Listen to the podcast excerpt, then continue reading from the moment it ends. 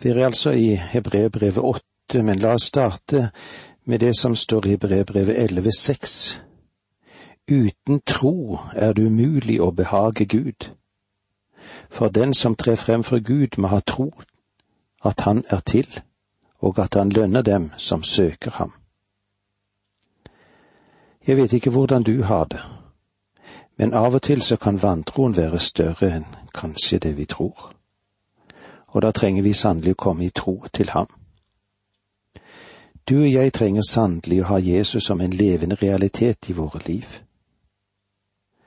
Du vil ikke se ham med ditt fysiske øye, eller høre ham med ditt fysiske øre, men du vil sannelig oppleve at han stiger frem for ditt indre øye, og du hører ham med det indre øret, som bare troen kan åpne. Han er en vidunderlig frelser for oss og vi er for hans åsyn nå. Vi befinner oss på toppen her. Vi tar til oss av det, det rike høsteretten i dette kapitlet. Dette er en vidunderlig del av Guds ord. Den nye pakt er bedre enn den gamle.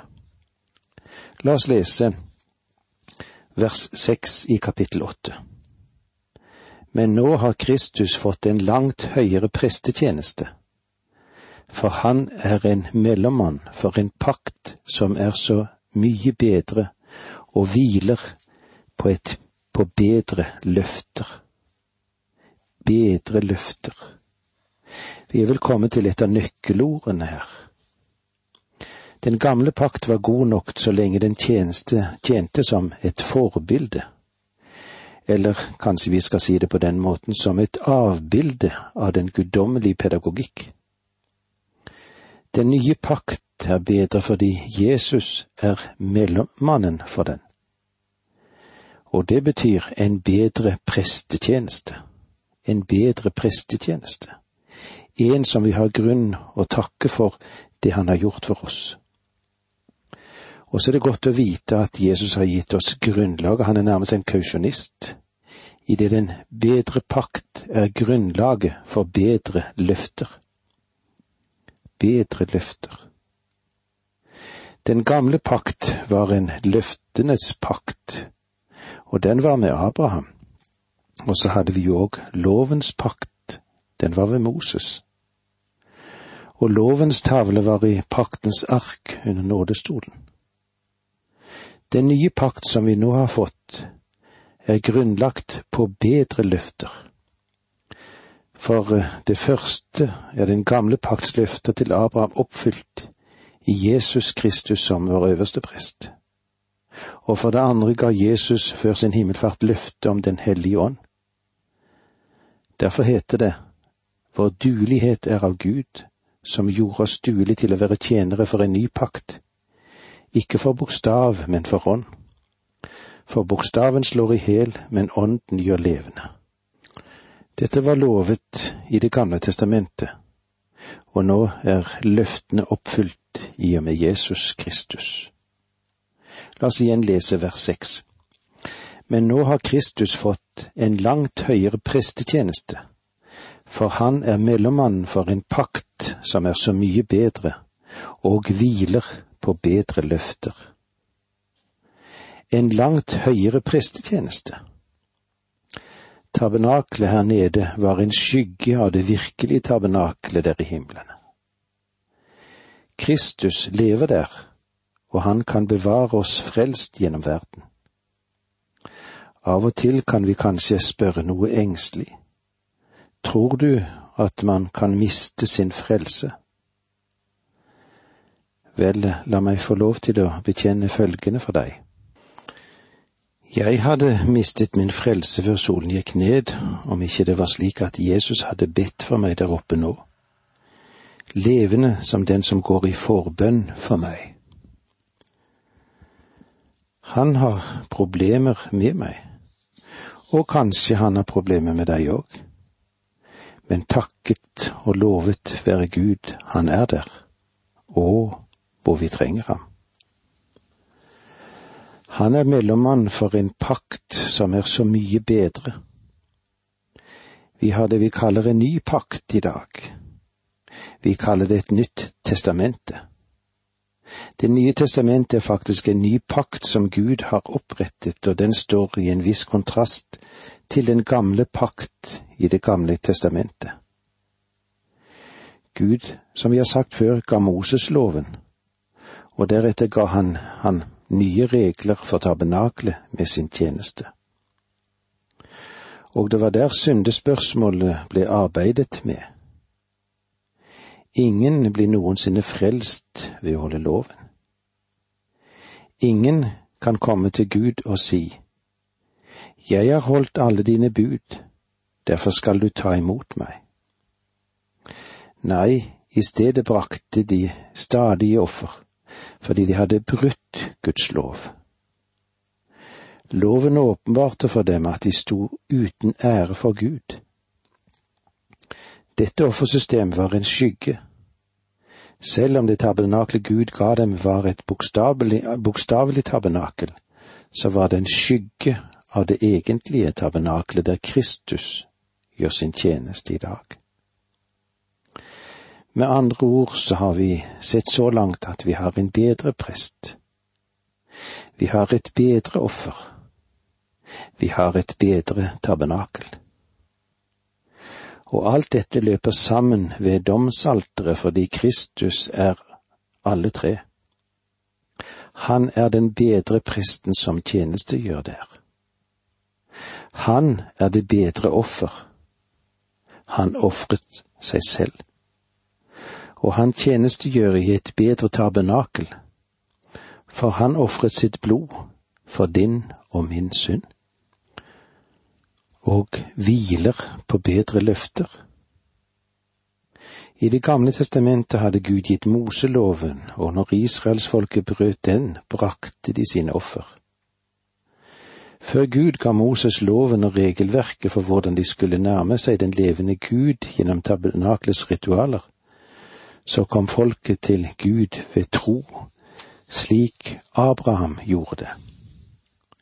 Men når vi så går enda lenger tilbake til tiden før Abraham, ser vi at Noah kom på et helt annet grunnlag. Om vi ikke kan ha lest Bibelen med full oppmerksomhet, om vi ikke har sett Gud, at Gud handlet med mennesker på forskjellige måter til de forskjellige tider, du behøver ikke bruke uttrykket forskjellige tidsaldre om du ikke synes det passer. Men bruk da ditt eget ord for å markere at Gud handler med mennesker forskjellig ettersom tiden og åpenbaringen skrider frem. Forfatteren av dette brevet sier at nå har vi en bedre pakt, og den er basert på bedre løfter. Og selv om du og jeg som kristne er blitt gjort delaktige av den, så har Gud ennå ikke sluttført hele sin plan med folket i Israel. Og eh, disse bedre løfter skal fullbyrdes på dem i det fremtidige tusenårsriket. Når du leser Det gamle testamentets profeter, så synes jeg det er umulig å komme forbi den sannhet at Gud skal samle Israel igjen til sitt land. Så langt jeg kan se, så er det den nåværende jødiske tilbakevending til Israel ikke bare den totale fullbyrdelse av profet, profetiene. Legg for eksempel merke til denne profetien i Jeremia-boken. Det står i Jeremia 30,18. Så sier Herren, se, jeg vil reise opp igjen Jakobs telt og forbarme meg over hans boliger. Hver by skal bygges på sin ruinhaug, hver borg skal stå på sitt rette sted. Og videre Jeremia 31,8. Jeg fører dem tilbake fra landet i nord, jeg samler dem fra jordens ytterste ende. Blant dem er det både blinde og halte, ja, svangre og fødende kvinner med, de vender tilbake i store flokker. Og vi fortsetter Jeremia 31, 10 og 11. Folkeslag, Hør Herrens ord. Forkynn det til fjerne kyster og si. Han som spredte Israel, samler og vokter det som gjeteren vokter sin flokk. For Herren har fridd Jakob ut og løst ham ut av overmannens vold. Det spørs om vi helt og fullt kan si at jødene i dag er i Israel under Guds forløsning. Saken er jo at mange er langt fra ham. Med disse ordene må vi nok si takk for nå. Må Gud være med deg. Dette undervisningsprogrammet består av to deler. Åge Nevland fortsetter nå med andre del av dagens undervisning. Vi er i Hebreerbrevet i det åttende kapittelet, og vi ser på den nye pakt, som er bedre enn den gamle. La oss lese vers seks i kapittel åtte. Men nå har Kristus fått en langt høyere prestetjeneste, for han er mellommann for en pakt som er så mye bedre og hviler på bedre løfter. En langt høyere prestetjeneste han er mellommannen for en pakt som er så mye bedre, og hviler på bedre løfter. Det er løftet, løftenes Gud vi har foran oss. Han vil oss bare vel. Men når dagen kommer, så vil det bli en fullbyrdelse av det som vi har lest gjennom hebreerbrevet til nå. Han skriver når og sier at det kommer til å flyte bedre løfter på bakgrunn av en bedre pakt som Gud vil opprette med sitt folk. Se, dager skal komme, sier Herren, da jeg slutter en ny pakt med Israels sitt og Judas sitt, en pakt som er annerledes enn den jeg har sluttet med deres fedre den gang jeg tok dem ved hånden og førte dem ut av Egypt. Den pakten med meg som de brøt, enda jeg var deres rette herre, sier Herren. Nei, slik er den pakten jeg vil slutte med Israels folk i de dager som kommer, lyder ordet fra Herren. Jeg vil legge min lov i deres sinn og skrive den i deres hjerter. Jeg vil være deres Gud, og de skal være mitt folk, står det i Jeremia 31, 31-33. Og det Gud sier her, er jo jeg ga dem min lov og skrev den på kald, hard stein, og de kunne ikke holde den. Men nå skal jeg risse den inn på hjertets tavler. Det har han ikke gjort frem til dette øyeblikk. En dag skal Jeremias profeti gå i oppfyllelse. Hør hva det står skrevet. Da skal ingen lenger lære sin neste og sin bror å si Kjenn Herren, for de skal alle kjenne meg, både små og store, sier Herren. For jeg vil tilgi deres misgjerninger og ikke komme i hu deres synd, som det også står i Jeremia 31, 34. Det er dette hebreerbrevets forfatter taler om. Den nye pakt er basert på bedre løfter Kristus er mellommannen for en bedre pakt, fordi den inneholder bedre løfter.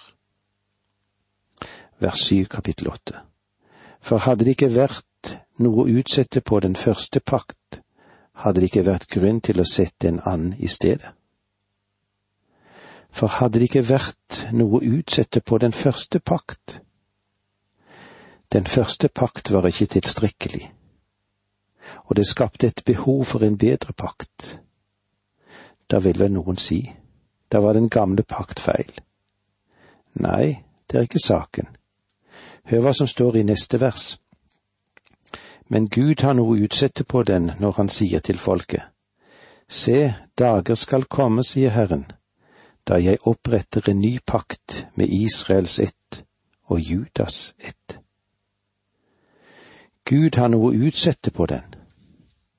Det betyr ikke at det er feil med det som var, men at Gud nå går inn i en ny fase i sitt program. Det er ingenting galt med Guds lov, men det er noe som er feil med deg og meg.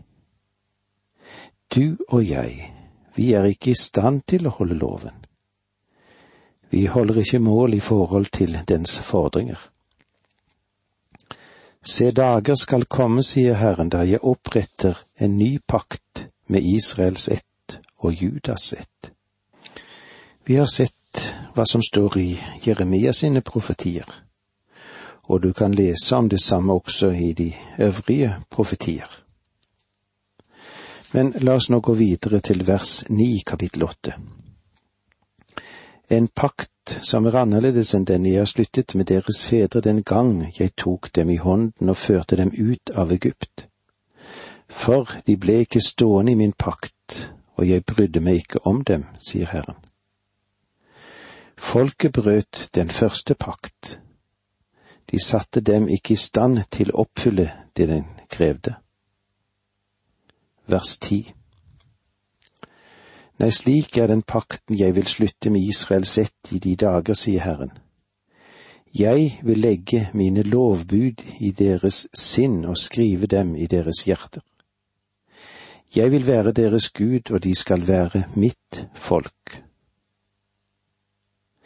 Den nye pakt vil bli skrevet i deres hjerter, ikke på steintavler, og gjennom det vil de være i stand til å lyde dem. Den gamle pakt, den manglet den indre dynamikk. Den kunne nok vise klart hva som var Guds hellige vilje, men den maktet ikke gi dem ny vilje i nye hjerter.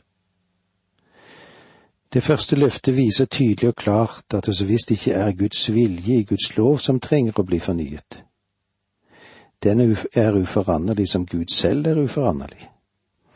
Det nye er jeg vil legge mine lovbud i deres sinn og skrive dem i deres hjerter.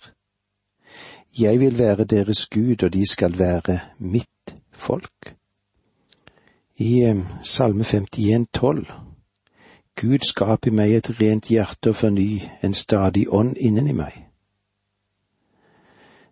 Men hvordan er det med nye pakt?